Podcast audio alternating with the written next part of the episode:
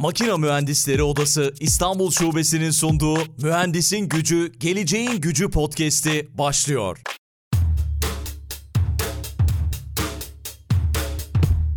Mühendisin Gücü, Geleceğin Gücü podcast'inden yeni bölümünden herkese merhaba. Biliyorsunuz Makine Mühendisleri Odası İstanbul Şubesi olarak 3. sezonunu devam ettiriyoruz bu podcast'in. Dünya üzerinden ve Türkiye'den başarılı mühendisleri konuk etmeye devam ediyoruz. Karşımda şu anda Almanya'dan Doktor Remzi Can Samsun var. Can merhaba, selamlar, hoş geldin. Merhaba Aykut, hoş bulduk. Nasılsın? Çok teşekkür ediyorum. Çok iyiyim. Çok heyecanlıyım. Programını çünkü çok beğeniyorum. Çok çok sağ ol. Çok teşekkür ediyorum. Tabii biz şimdi bu kayıtları daha sonra yayınlıyoruz ama bugün özel bir gün, Babalar Günü ve bir pazar gününde pazar sabahında böyle kahvaltı sonrası bu yayını gerçekleştiriyoruz. Özellikle belirtmek istedim. Podcast tabii sonradan da dinlenebilen bir iletişim şekli, bir mecra, bir format daha doğrusu. Sonradan dinlendiğinde de bu böyle babalar gününde çektiğimiz için dijital bir iz olarak kalsın istedim. Babalar günün kutlu olsun. Ben de senin babalar gününü kutluyorum. Çok teşekkür ediyorum. Kendi babama buradan sevgilerimi iletiyorum. Çok emeği geçti bende. Sağ olsun. Çok çok teşekkür ederim. O zaman tüm babaların sonradan da dinleyecek olsalar bile tüm babaların babalar gününü kutlamış olalım. Peki. Şimdi bu bölümde yeşil hidrojeni, daha doğrusu hidrojeni konuşacağız. Neden yeşil hidrojene ihtiyacımız var diye bir başlık seçtik. Benim de özel olarak merak ettiğim konulardan biri. Çünkü enerji konusu son yıllar içerisinde epey bir yükselmiş durumda, önemli hale gelmiş durumda. Her zaman önemliydi ama böyle alternatif yakıt arayışları, alternatif enerjiye yöneliş çok daha fazla artmış durumda. Konunun uzmanı olarak sen daha iyi anlatacaksın eminim. Ama öncesinde belki neden Almanya'dasın, ne kadardır Almanya'dasın ve kariyerin nasıl ilerledi belki bununla başlayabiliriz. Sonra da konumuza gireriz diye düşünüyorum. Evet, biraz geriye gidelim o zaman. Can Samsun öncelikle bir makine mühendisi. Bu benim için önemli. 97 yılında çok isteyerek ve araştırarak ODTÜ makine mühendisliğine girdim ve benim için bir yandan eğitim anlamında bir yandan da sosyal açıdan çok verimli geçen 4 yılın sonunda bundan tam 22 sene önce mezun oldum. Mezun olduktan sonra biraz yurt dışına çıkıp tecrübe toplamak istedim. Genel trende uyarak planlarımı aslında Amerika'da master yapmak üzerine kurmuştum. Bir makine mühendisliği programına da kabul aldım Amerika'dan. İlginç Amerika'da dönem biraz erken başlıyor bize göre. Ben de kabul geldiğinde açıkçası yaz tatilindeydim. 4 yılın yorgunluğunu atıyordum başka bir de işte. Ve dedim ki biraz dinleneyim. Kış döneminde başlayayım master'a. Zaten o zaman daha 21 yaşındayım. Çok gencim. İlginç bir şey oldu. Bunun üzerine 11 Eylül oldu. 2001 yılı. Evet. Dünyada denge bir anda değişti. Ben de o zaman B planı olarak bir de Almanya'ya başvurmuştum. Bu sırada ilginç Almanya'dan da kabul geldi. Almanya'daki master programı ve seçtiğim üniversitede içerik olarak daha pratikti. Enerji sistemlerine yoğunlaşıyordu. Almanya zaten makine ve kimya mühendisleri için teknolojik bakımdan bir cennet konumda. 3 saat uçuş mesafesi Türkiye'den çok cazip geldi bir anda Amerika ile karşılaştırdığımda. E, iki senelik bir master, yeni bir dil öğrenme şansı da çok mantıklı geldi. Ki planım iki sene sonra zaten dönüp Türkiye'de işe girmekti ki gördüğün gibi hala dönemedim. Evet. Her şey planladığımız gibi olmuyor. Master'da gerek geleneksel gerek yenilenebilir enerji teknolojileri konusunda çok geniş bir perspektifim oluştu. Ve master'ın ikinci yılında yani geri dönüp baktığımda aslında kritik bir karar verdim. O zamanlar çok küçük olan hidrojen ve yakıt pilleri dünyasına girmeye karar verdim. Ve bu yüzden de öğrenci olarak, master öğrencisi olarak o zaman çok yakınımdaki Jülich Araştırma Merkezi'ne girdim. Jülich aslında pek bilinmese de Avrupa'nın en büyük interdisipliner araştırma merkezlerinden bir tanesi. Hidrojen teknolojileri konusunda da eskiden beri çok tanınan bir merkez. Neyse master'ın sonunda Jülich'ten birkaç teklif geldi. Bunların arasından bir doktora pozisyonunu kabul ettim. Doktora tezimin konusu da jet yakıtından hidrojen elde etmekti. Hmm. Bunun amacı da uçakta var olan sıvı yakıtı hidrojene çevirerek hidrojeni hiç depolamadan bir yakıt pilinde elektrik ve ısıya çevirmek. Bu şekilde uçak özellikle alandayken uçağın elektrik ihtiyacı temiz ve verimli bir şekilde karşılanabiliyor.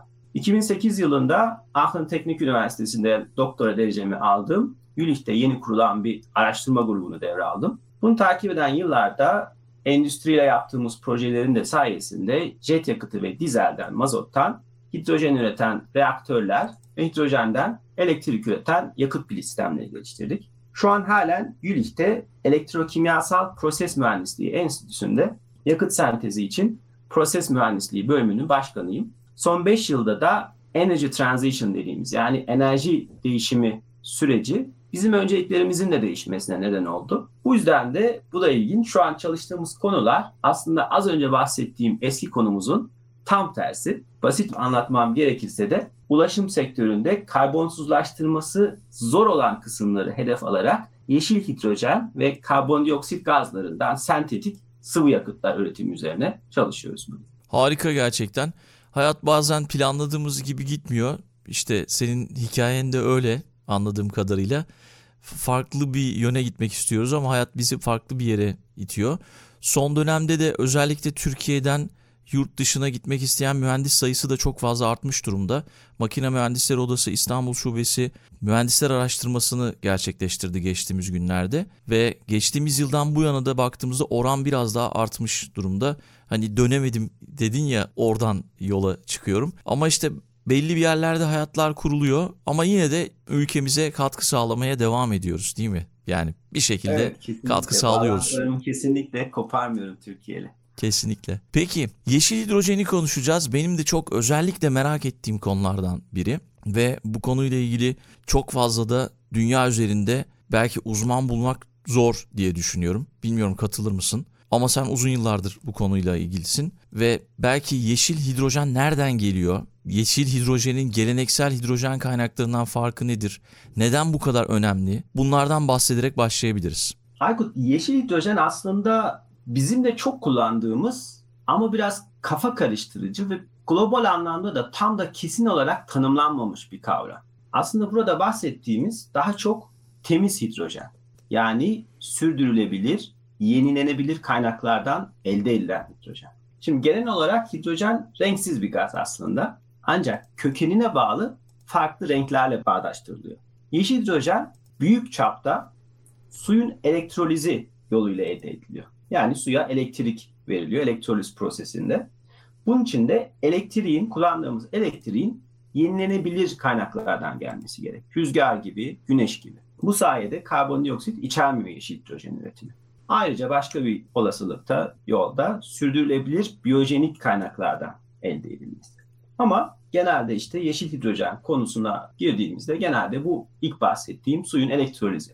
Yenilenebilir elektrik olarak. Burada şu çok önemli Aykut. Yani eğer elektriği biz kömürden, doğal gazdan elde ediyorsak tabii ki çok fazla karbondioksit salgıladığımız için ürettiğimiz hidrojen de yeşil olmuyor tabii ki. Evet. Aslında hidrojen yeni bir enerji taşıyıcı değil. Biraz rakamlara bakarsak 2019 yılında 117 milyon ton hidrojen üretilmiş ve bunun yarısından fazlası doğal gazdan gelmiş. Geri kalanı da kimyasal proseslerde yan ürün olarak üretilmiş. Yani fosil kaynaklardan geliyor.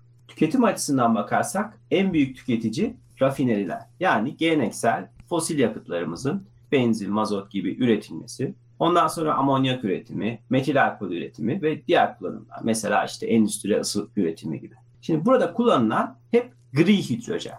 Başka bir renge geldik. Gri yani kirli demek istemiyorum ama gerçekten renk aslında onu şey yapıyor. Gri hidrojen. Daha önce dediğim gibi fosil yakıtlardan steam reforming dediğimiz buhar reformasyonu ile üretilen hidrojen. Bizim Almanya'da işte hidrojen tabelaları görürüz. Türkiye'de çok rastlamadım ama Almanya'da görürüz yani sağda solda.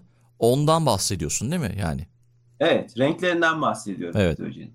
Şimdi bu gri hidrojen için yani aslında bizim yıllardır kullandığımız hidrojen için 1 kilogram hidrojen elde etmek için yaklaşık 10 kilogram karbondioksit gazı üretiliyor.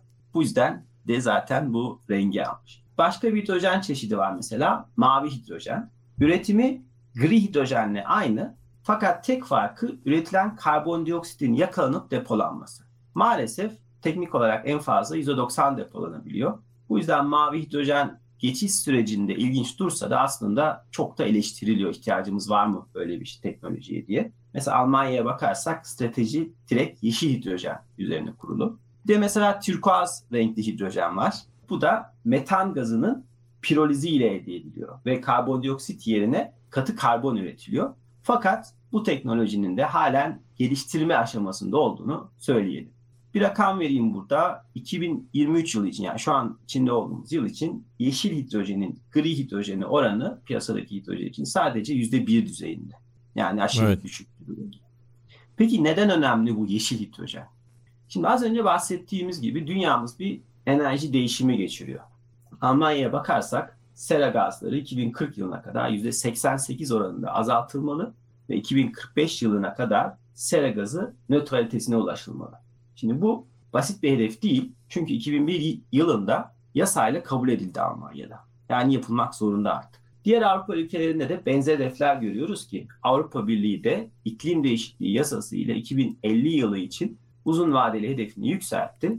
Artık net sıfır sera gazı emisyonu yani iklim nötrlüğü ve ardından 2050 sonrası süreç içinde negatif emisyon hedefliyor. Çünkü biz ne kadar uğraşırsak uğraşalım engelleyemeyeceğimiz emisyonlar var. Ancak bu negatif emisyonlar sayesinde istenilen değerlere ulaşabiliriz. Şimdi bu hedeflere ulaşabilmek için fosil enerji kaynaklarından vazgeçip yenilenebilen enerji kaynaklarına geçiyoruz. Ve geçmek zorundayız. Bunu artık biliyoruz. Yine Almanya örneğine bakalım. Yenilenebilen enerjinin elektrik tüketiminde 2000 yılında %6'lardan 2022 yılında %46'lara ulaştığını görüyoruz.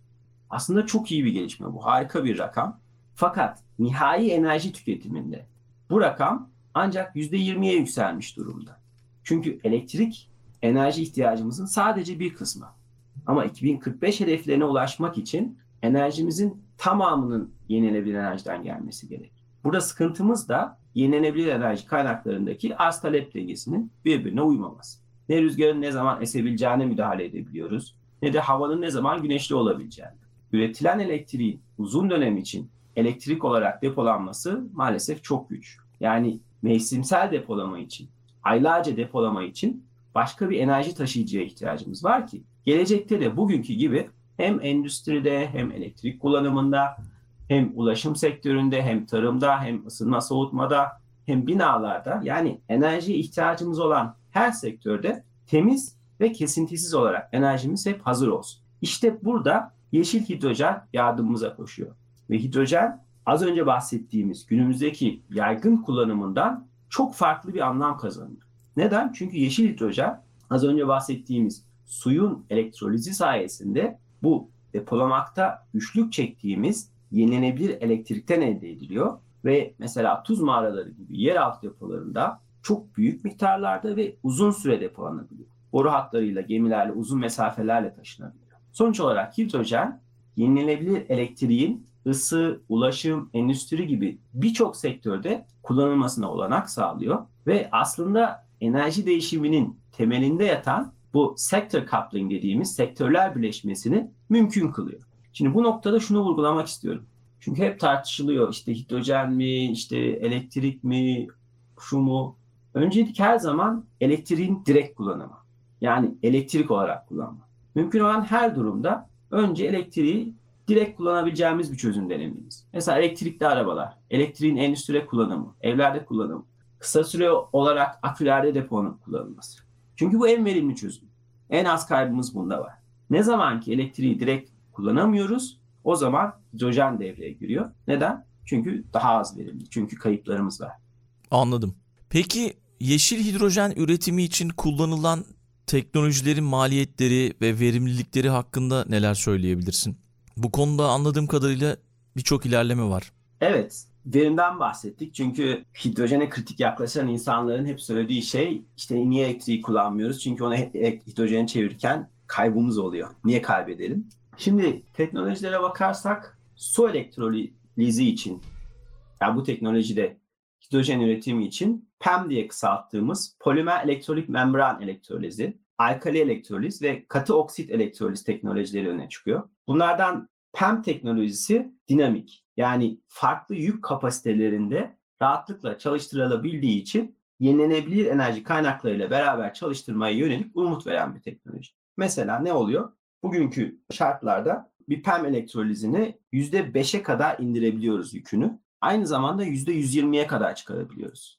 E, dedik ya az önce rüzgarın üretimi, rüzgardan elektrik üretimi, güneşten elektrik üretimi de dinamik, sabit değil. Bu yüzden çok umut veren bir teknoloji. Hatta gelecekte %300'lere kadar çıkarmak istiyorlar bu PEM teknolojisini. Yani atıyorum 10 megawattlık bir elektrolizör yapıyorsunuz ama o an mesela çok fazla güneş var, çok fazla elektrik üretiyorsunuz network'te. Bu elektrolizi bunun 3 katı kadar güçle de kısa süre için çalıştırabiliyorsunuz. Yani enerji boşa gitmesin. Ama aynı zamanda çok fazla gereksiz şeyde yapmayayım, yatırımda yapmayayım. İkinci teknoloji alkali elektroliz teknolojisi. Aslında çok olgunlaşmış bir teknoloji bu. Verimliliği PEM'e göre biraz daha düşük ama katalizatör açısından değerli metal kullanımını gerektirmediğinden cazip. Dezavantajı ise düşük dinami. Yani daha çok dar bir yük aralığında çalışabiliyor. Üçüncü teknolojimiz katı oksit teknolojileri. Diğerleri kadar gelişmiş olmasa da çok umut vaat ediyor. Çünkü burada da değerli metalleri gerek duyuluyor. Şimdi verimliliğe gelirsek bugün aslında %70'lere yakınız. Burada hedef %75-80 gerçekçi bir rakam olur aslında. Şimdi verimi nasıl tanımlıyoruz burada? Elektroliz için kullandığımız elektriği, yenilenebilir elektriğimizin %75, %80'ini hidrojen enerjisine çevirmekten bahsediyorum. Bu yüzden bu aslında çok yüksek bir rakam. Daha yüksek rakamlar ise bu üçüncü teknoloji dediğimiz seramik bazlı katı oksit elektroliz teknolojisi için mümkün. Neden mümkün? Çünkü bu teknolojide gereken enerjinin bir kısmı elektrik yerine ısı olarak sağlanabiliyor. Anladım. Nasıl bir avantajı olabilir? Özellikle mesela atık ısı imkanı varsa yakında başka bir tesiste bu teknolojiyle %80-85 gibi daha yüksek verimlilikler elde etmek de mümkün. Şimdi maliyet dedim. Bu da tabii ki çok önemli bir konu. Bu konuda konuşmak biraz daha zor. Burada üç önemli faktör var. Birincisi yenilenebilir elektriği nerede ne kadar mal edebiliyoruz? Bu çok önemli bir faktör. Çünkü önce onu üretmemiz gerekiyor ki oradan yeşil hidrojene geçelim. İkincisi elektroliz ne kadar verimli? Az önce bahsettiğimiz konu. Çünkü ne kadar verimli olursa o kadar az elektrik kullanacak. Üçüncü faktör ise elektroliz sistemimizin masrafını. Şimdi bunların ilk ikisi yani elektriğin fiyatı ve elektrolizin verimliliği devamlı masraflar. Değil mi? Çünkü ürettikçe sürekli ne kadar üretirsek o kadar yapmamız gereken. Üçüncüsü yani elektrolizin elektroliz sisteminin masrafı bir seferlik yatırım. Yenilenebilir enerji potansiyelinin yüksek olduğu yani mesela rüzgarın bol, güneşin bol olduğu coğrafik alanlarda elektriğin üretim fiyatı düştükçe tabii ki hidrojenin üretim fiyatı da düşüyor. Mesela bir örnek vereyim. Batı Afrika'nın büyük bir kısmında bugünün şartlarıyla yani şu an var olan teknolojiyi kullandığımız zaman yeşil hidrojenin kilogramının 2.50 seviyesinin, 2.50 euro seviyesinin altında üretilmesinin mümkün olduğunu söyleyebiliriz. Tabii şunu da unutmayalım. Batı Afrika'da üretiyoruz. Onu buraya da taşımamız gerekiyor. Avrupa'ya taşımamız gerekiyor ve Amerika'ya, Asya'ya nerede kullanacaksa. Bunun da bir maliyeti var. Bunu unutmayalım. Şimdi bugün genel anlamda maliyetin kilogram başına 5 dolara yakın olduğunu söyleyelim. Farklı analizler ilerisi için 1 doların mümkün olduğunu gösteriyor. Ama bunun gerçekleşmesi için gerçekten çok fazla e, çalışmak gerekiyor. Çok e, fazla yatırım yapılması gerekiyor. Nasıl olabilir bu şeye hedefe ulaşmak? Bir elektrolizör masrafının azalması gerekiyor ciddi açıdan, ciddi oranda. İki elektrik fiyatının azalması. Bunlar en etkili faktörler açıkçası. Anladım. Peki ülkeler açısından baktığımızda şu anda hangi ülkeler bu konuda daha ileride? Almanya herhalde uzun yıllardır bu konuda çalışmalar yapıyor. Almanya uzun yıllarda çalışmalar yapıyor gerçekten. Son yıllarda özellikle ulusal hidrojen stratejisinin de açıklanmasından beri ciddi anlamda yatırımlar da yapılmaya başladı. Yatırım hep vardı gerçi işte araştırma geliştirmeye özellikle yatırım hep vardı. Ama ulusal hidrojen stratejisinin açıklandığından beri daha büyük projeler artık destekleniyor. Uluslararası işbirlikleri çok fazla destekleniyor.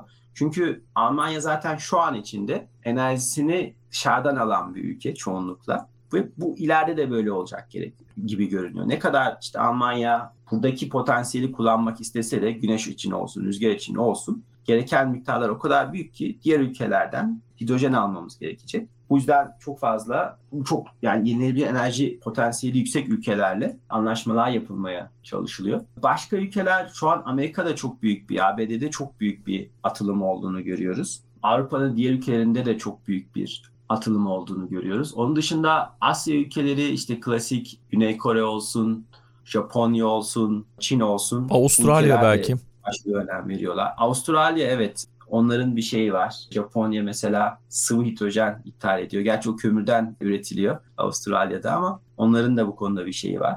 Yani aslında çoğu ülke aslında hidrojenin potansiyelini fark etti ve bir şekilde yarışın bir parçası olmaya çalışıyor. Kesinlikle öyle. Türkiye'de 2023 yılında bu yıl içerisinde Türkiye Hidrojen Teknolojileri Stratejisi ve Yol Haritası diye bir Evet. şey yayınlamış. Mutlaka belki görmüşsündür. Oradaki raporda da şey dikkatimi çekti. Ülkeler arasındaki hedefler de karşılaştırılmış. Mevcut durum ve hedefler. Hep 2030 yılı özellikle Avrupa ülkeleri 2030 yılı Avustralya'da öyle. 2030 yılını hedef koymuşlar. Bunun sebebi nedir bilmediğim için soruyorum. İki- neden 2030? Çünkü gerçekçi bir hedef. Yani Hı hı. şu an hemen bir şey yapmaya çalışalım desek süre alıyor. Neden? Çünkü çok yeni teknolojilerden bahsediyoruz. Yani bu teknolojileri üreten firmalar da açıkçası daha işte bu dev kapasiteleri henüz kurmuş değiller. Bir sistem kurmak istediğiniz zaman bu sistemlerin işte onay alması gerekiyor, belli güvenlik şeridinden geçmesi gerekiyor. Bu onayları veren kurumların da tabii ki hazır olması gerekiyor. Şimdi 2030 yılı için toplamda binden fazla proje açıklanmış. 230 gigawattlık bir kapasite şimdiye kadar açıklanmış. 2030 yılı için. Şimdi bugünkü kapasitemiz yaklaşık 700 megawatt. Bugünkü elektroliz kapasitesi. Yani 300 katlık bir şeyden bahsediyoruz. 300 kat artacağından bahsediyoruz 2030 yılı için. Evet. Ve bu aslında bu 2045-2050'den bahsediyoruz ya. Sonunda ulaşmak istediğimiz hedefin aslında yine küçük bir kısmı. Ama tabii ki başlangıç için çok önemli bir kısmı. Yani 2030 aslında bir şekilde ara hedef diyelim. Anladım. Ama şöyle bir sıkıntı var. Yani 2045-2050'de nötralitesine ulaşmak istiyorsak aslında çok geç bile kaldık. Aslında hemen bu senelerde çok fazla şey yapmamız gerekiyor ki bunun sonuçlarını görebilelim 2045-2050'de. Anladım. Peki biraz sektörlerden bahsetsek, yeşil hidrojenin iş dünyasında hangi sektörlerde özellikle büyük bir potansiyel taşıyacağını, taşıdığını düşünüyorsun? Yani yeşil hidrojen endüstrideki birçok alanda kullanabiliyor. Yani hidrojenin aslında özelliği bu. Çok fazla sektörde kullanılabilecek olması. Mesela kimya endüstrisine baktığımız zaman belirli prosesleri iklim dostu haline getirmenin tek yolu olduğunu görüyoruz. Demir çelik endüstrisi de kömürün en iyi alternatifi olduğunu görüyoruz. Yüksek sıcaklık gereken proseslerde ısı kaynağı olarak kullanabileceğini görüyoruz. Endüstrinin de çok e, ilgi gösterdiğini söylemem gerekiyor özellikle Almanya'da şu an için. Ulaşım sektörü çok önemli. Az önce dediğim gibi elektriğin direkt kullanılmasının pratik ya da mümkün olmadığı uygulamalarda yakıt pilleri, fuel cell teknolojisi devreye giriyor. Bu sayede hidrojen çok önemli bir alternatif oluyor. Burada özellikle heavy duty dediğimiz ağır vasıtalarda yakıt pili teknolojisiyle çalışan kamyonlar çok ilgi çekmeye başladı. Sayıları aşırı artmaya başladı. Bir üçüncü ulaşım sektörü de ilk başta bahsettiğim bizim aslında işte şu an daha çok fokusumuzda olan konu ne elektriğin ne hidrojenin kullanılamadığı ulaşım sektörleri var. Burada da yeşil hidrojenden üretilen sentetik yakıtlar tabii biyojenik kaynaklardan üretilen sentetik yakıtlarla beraber tüm ulaşım sektörünün iklim dostu yakıtlara dönmesini mümkün kılıyor. Burada da bahsettiğimiz kıtalar arası uzun menzilli uçaklar ya da uzun menzilli yük gemileri aslında. Anladım. Peki gelecekte yeşil hidrojenin yaygınlaşması için atılması gereken adımlar, hedefler neler olabilir diye sorsam.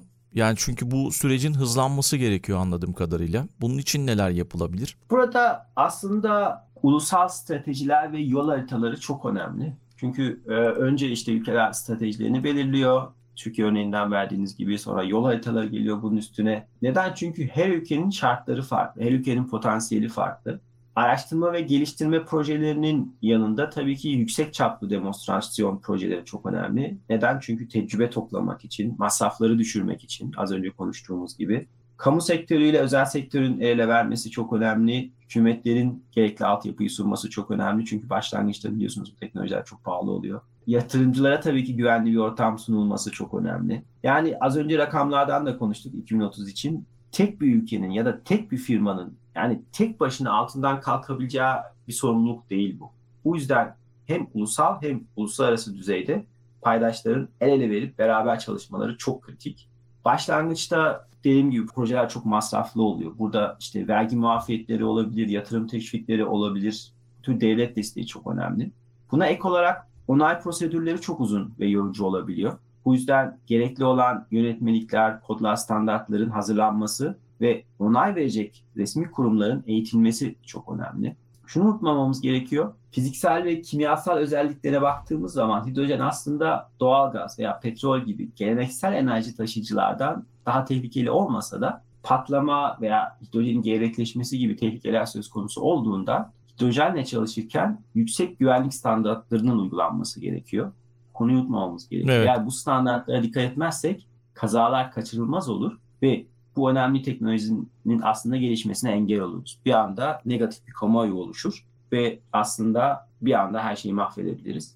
Şu çok önemli yani yenilenebilir enerji olmadan yeşil hidrojen mümkün değil. Şimdi bu yüzden her ülkenin yenilenebilir enerji potansiyelini iyi değerlendirmesi gerekiyor ve geç kalmadan gerekli yaptırımları yapması çok önemli. Özellikle coğrafi konum bakımından avantajlı ülkelerin yapacakları anlaşmalarla geleceğin enerji dünyasında önemli bir rol alma şansı doğacak bu şekilde. Enerji satan ülkelerin, satın alan ülkelerin enerji satan ülkelere dönüşme şansı var bu sayede. Mesela Türkiye. Çünkü inanılmaz bir yenilenebilir enerji potansiyelimiz var ülkemizde. Enerji konusunda dışa bağımlı olan ülkelerin yeni anlaşmalarla portföyünü genişleterek, farklı ülkelere dağıtarak enerji güvenliğini sağlamlaştırma şansı var. Almanya'nın mesela. Maalesef hidrojenin önemi çok geç kavrandı. Bunu söyleyebilirim. Çünkü ben yıllardır bu iş içindeyim. Bu potansiyeli biz hep anlatmaya çalıştık ama son birkaç yıldır geniş bir katılımla aslında bunun anlaşıldığını görüyoruz. Bu bizi çok sevindiriyor. Maalesef biraz geç kaldığını da söyleyebiliyoruz her zaman. Umarım artık daha fazla vakit kaybetmeyiz ve önümüzdeki dönemde bütün paydaşların işbirliğiyle gereken sıçramayı yapabiliriz. Kesinlikle ben de katılıyorum. Hatta bazı ülkelerde bundan 4-5 sene önce hidrojen teknolojilerini yüksek öğrenim dallarına dahil etmişler yanılmıyorsam. Geleceğin konusu ama henüz çok da anlaşılmış değil diye düşünüyorum. Ülkemizde de baktım şöyle araştırma merkezleri var. İşte Yıldız Teknik Üniversitesi'nde, farklı üniversitelerde özellikle hidrojen enerjisi ve yakıt pilleri konusunda araştırma merkezleri kurulmuş. Erciyes Üniversitesi'nde var. Adını şu anda hatırlamadıklarım da olabilir. Ama mesela Almanya tarafına da baktım, farklı ülkelere de baktım. Daha yeni yeni hidrojen ve nükleer enerji teknolojisi diye dersler konulmuş. Yani bu yüksek öğrenime dahil edilmiş diye düşünüyorum. Ya evet Türkiye'de aslında yani çok eskiden beri ciddi bir e, kamuoyu var. Hidrojen üzerine çalışan çok daha fazla üniversitemiz var, şirketlerimiz var. Almanya her zaman için yakıt pili ve hidrojen konusunda en aktif ülkelerden biriydi. Her zaman böyleydi bu. Şu an daha da arttı bu. Çünkü büyük şirketler de aslında hidrojenle şimdiye kadar ilgisi olmayan, bu konuda hiç yatırım yapmayan büyük şirketler hidrojeni fark ettiği için portföyünde yer açmaya çalışıyor. Şu an yani inanılmaz bir talep var. Genç nesil dinliyorsa biz onlara da önerim var. Gerçekten bu geleceğinizi şekillendirmeyi düşünüyorsanız şu an girilecek bir alan kariyer açısından. Almanya'da mesela çok ilginç. Ben yine master'ıma döneyim. Master'ımı yaparken 3 farklı hidrojen yakıt pilleri hakkında dersim vardı mesela portfolyoda. Yani 20 sene öncesinden bahsediyorum. Bu tabii ki daha da arttı bu süreçte. Hatta biraz daha mesela Japonya'da eskiden beri şey var. Japonya'da çok öndeki ülkelerden bir tanesi. Daha küçük öğrencilere de yönelmeye çalışıyorlar. Mesela işte e, YouTube videoları falan yapıyor hidrojeni anlatmak için. Yani okul öğrencilerine güzel. dahi anlatmaya çalışıyorlar. Bu da çok güzel bir şey. Bu da yapılması gereken bir şey. Yani şu an ciddi bir tutum var. O konuda haklısın Aykut. Kesinlikle. Türkiye'de de şimdi az önce baktım Sabancı Üniversitesi'nin yer aldığı bir Kesinlikle. proje var. Avrupa Birliği katkısıyla Clean Hydrogen Partnership diye ve buradaki hedef de şeymiş yani 500 ton yeşil hidrojen üretip sanayide kullanmayı hedefliyormuşuz. Bakalım önümüzdeki günlerde Türkiye'de de önemli adımlar atılacak diye düşünüyorum. Çok çok teşekkürler. Umarım bu konuda bir farkındalık yaratabilmişizdir. Bizi dinleyen, takip eden herkes umarım bir şeyler kapmıştır. Çok verimli, güzel bir yayın olduğunu düşünüyorum. Hemen hemen her sektörü önümüzdeki yıllar içerisinde etkileyecek ve çalışmalarını da takip etmeye devam edeceğiz. Belki son sözleri alabiliriz. Son neler söylemek istersin? Evet, kapanışta programın zaten sloganı çok iyi. Mühendisin gücü, geleceğin gücü. Yani dünyaya baktığım zaman aslında tabii ki Türkiye'de de bu konuda çalışan çok çok değerli akademisyenlerimiz var. Şirketlerde çok değerli mühendislerimiz var. Ama hidrojen konusunda dünyaya yayılmış aslında çok fazla mühendisimiz var. Zaten çok da iyi bir network var. Çok da iyi bir şeyimiz var. Bağlantımız var. Umarım bu network'ü gelecekte de işte Türkiye'yi de konu ileriye taşımak için kullanabiliriz. Daha da kuvvetli olarak kullanabiliriz. Bu kadar. Başka bir şey gelmiyor. Harika. Peki her konuğuma bunu soruyorum. Kapatmadan bunu da sormuş olayım. Odalar hakkında Evet. ne düşünüyorsun? Bir odaya üye misin? Almanya'daki işleyiş nasıl? Böyle bir topluluğa üye olmanın avantajlarını gördün mü? Makine Mühendisleri Odası İstanbul Şubesi'nde birçok makine mühendisi, onun dışında farklı mühendislikler de mevcut, üyeler mevcut. Biz burada birçok eğitimler veriyoruz. Farklı işbirlikleri oluyor, network oluyor, iş bulma konusunda destek olunuyor. Senin bu konudaki deneyimlerini dinlemek isterim.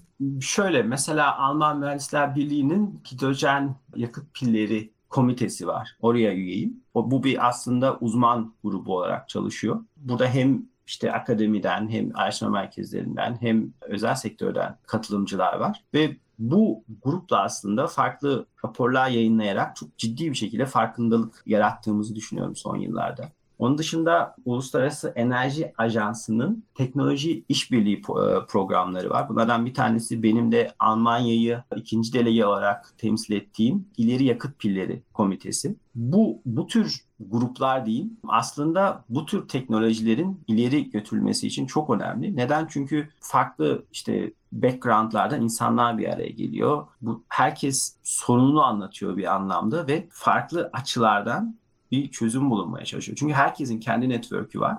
Ama beraber olduğumuz zaman aslında çok daha geniş networklere ulaşabiliyoruz. Bu yüzden az önce bahsettiğim ya beraber çalışma, paydaşların işbirliği yapması bu tür konularda aslında odaların, bu tür kurumların çok önemi var. Bu tür e, çalışmalara olanak sunan, bir şemsiye olan. Peki çok çok teşekkür ediyorum. Kapatmadan son bir de şunu söyleyeyim.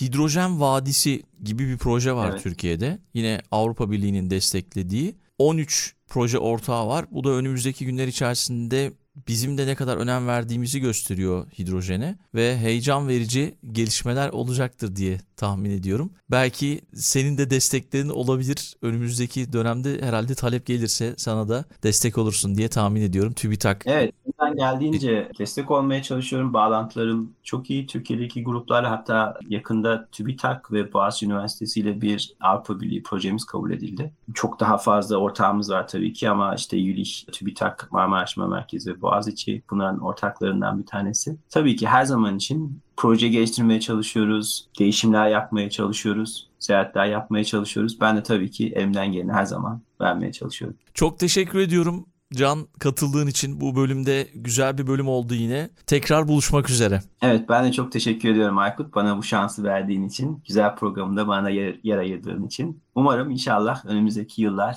hidrojen e, dönemi olacak. Dediğin gibi 2030'a kadar çok önemli şeyler bekliyoruz, gelişmeler bekliyoruz. Hep beraber inceleyeceğiz. Çok teşekkürler. O zaman son sözü sana bırakıyorum. Mühendisin gücü, geleceğin gücü.